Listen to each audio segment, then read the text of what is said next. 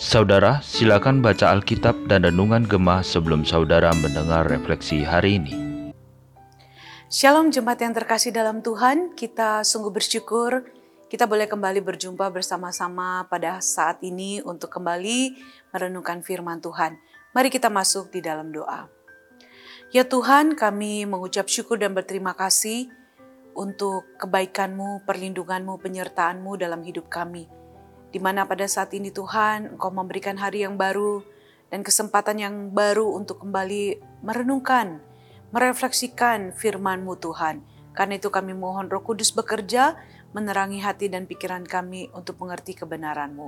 Kami serahkan waktu ini di dalam nama Tuhan Yesus kami berdoa. Amin. Saudara-saudara refleksi gema kita pada hari ini sudah sampai di dalam Markus 6 ayat 30 hingga dengan yang ke-56 saudara ya.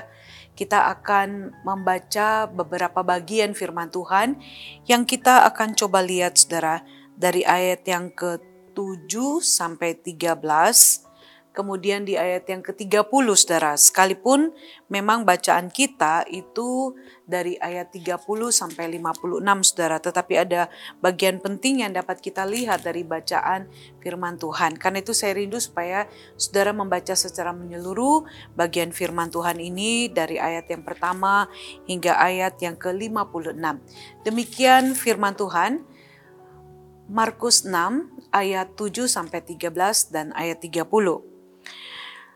Ia memanggil kedua belas murid itu dan mengutus mereka berdua-dua. Ia memberi mereka kuasa atas roh-roh jahat dan berpesan kepada mereka supaya jangan membawa apa-apa dalam perjalanan mereka kecuali tongkat, roti pun jangan, bekal pun jangan, uang dalam ikat pinggang pun jangan, boleh memakai alas kaki tetapi jangan memakai dua baju. Katanya selanjutnya kepada mereka, kalau di situ tempat kamu sudah diterima dalam suatu rumah, Tinggallah di situ sampai kamu berangkat dari tempat itu, dan kalau ada suatu tempat yang tidak mau menerima kamu, dan kalau mereka tidak mau mendengarkan kamu, keluarlah dari situ dan kebaskanlah debu yang di kakimu sebagai peringatan bagi mereka. Lalu pergilah mereka memberitakan bahwa orang harus bertobat, dan mereka mengusir banyak setan dan mengoles banyak orang sakit dengan minyak dan menyembuhkan mereka. Kemudian ayat yang ke-30, di sana dikatakan, kemudian rasul-rasul itu kembali berkumpul dengan Yesus dan memberitahukan kepadanya semua yang mereka kerjakan dan ajarkan. Demikian pembacaan firman Tuhan kita pada saat ini. Saudara-saudara yang terkasih dalam Tuhan, dari bagian firman Tuhan yang kita baca tadi, saudara, ada hal yang menarik yang dapat kita lihat, yaitu betapa pentingnya keseimbangan antara melayani dan dilayani. Dan itu adalah hal yang amat penting di dalam kehidupan para murid Tuhan Yesus pada saat itu. Saudara kita tahu bersama bahwa selama mengikut Tuhan Yesus, mereka telah menerima banyak sekali pengajaran dan juga tentunya teladan dari Tuhan Yesus tentang bagaimana melayani saudara.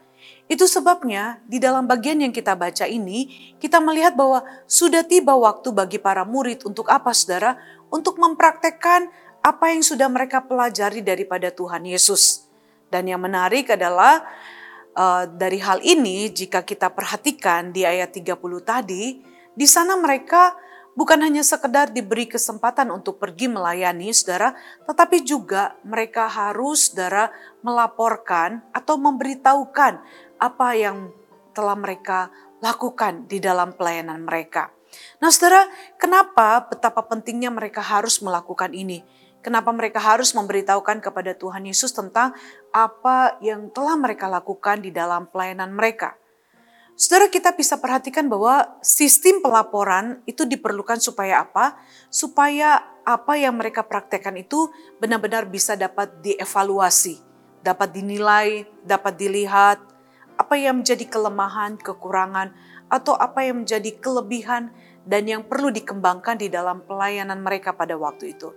Evaluasi ini penting agar pelayanan para murid pada waktu itu benar-benar tidak tidak hanya puas pada satu titik atau satu hal yang mereka kerjakan tetapi mereka dapat terus meningkatkan pelayanan mereka bagi Tuhan pada waktu itu.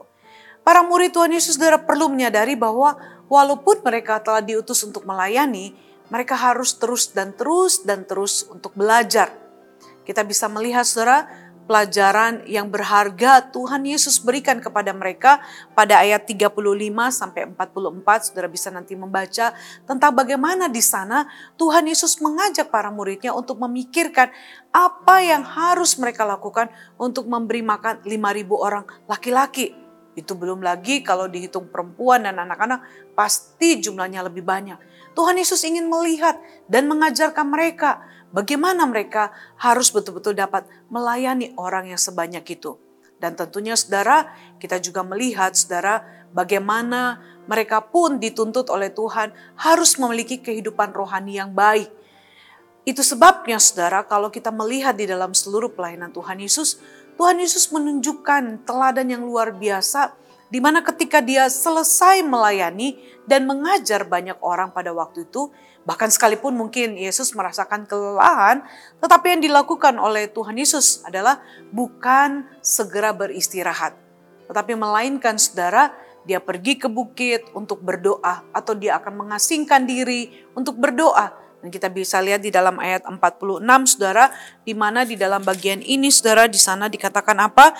Setelah ia berpisah dari mereka, ia pergi ke bukit untuk berdoa.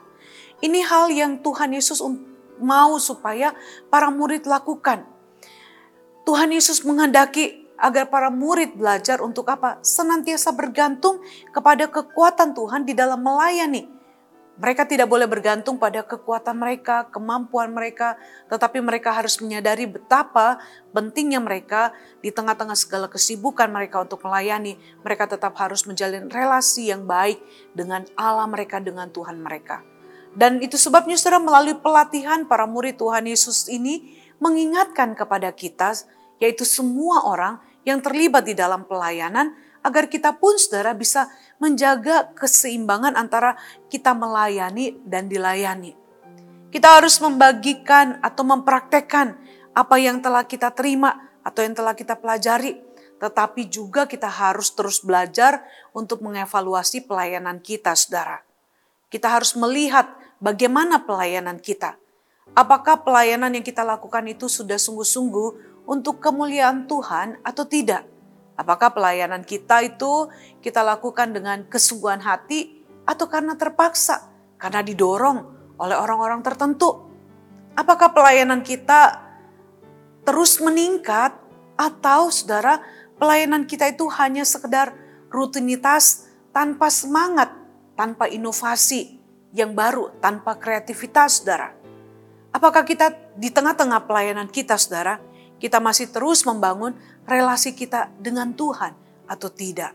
Ini adalah hal-hal yang penting untuk kita pertanyakan, kita pikirkan, kita renungkan di dalam kehidupan kita, saudara, agar kita betul-betul di dalam pelayanan kita memiliki satu keseimbangan yang luar biasa, di mana kita bekerja melayani Tuhan, namun kita juga belajar untuk melihat diri kita dan juga terus membangun relasi kita dengan Tuhan.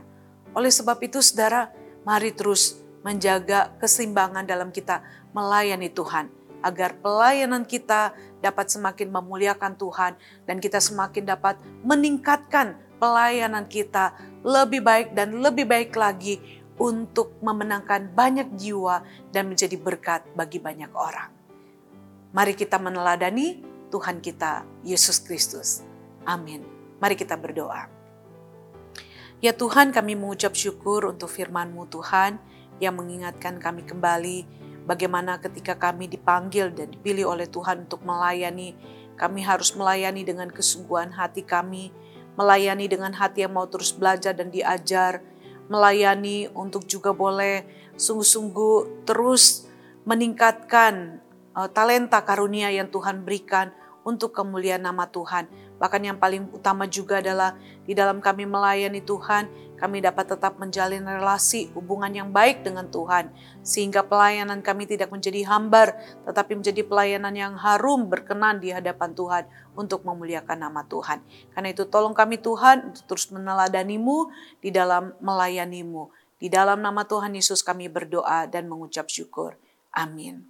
Demikian refleksi gemak kita pada hari ini. Tuhan Yesus memberkati saudara sekalian.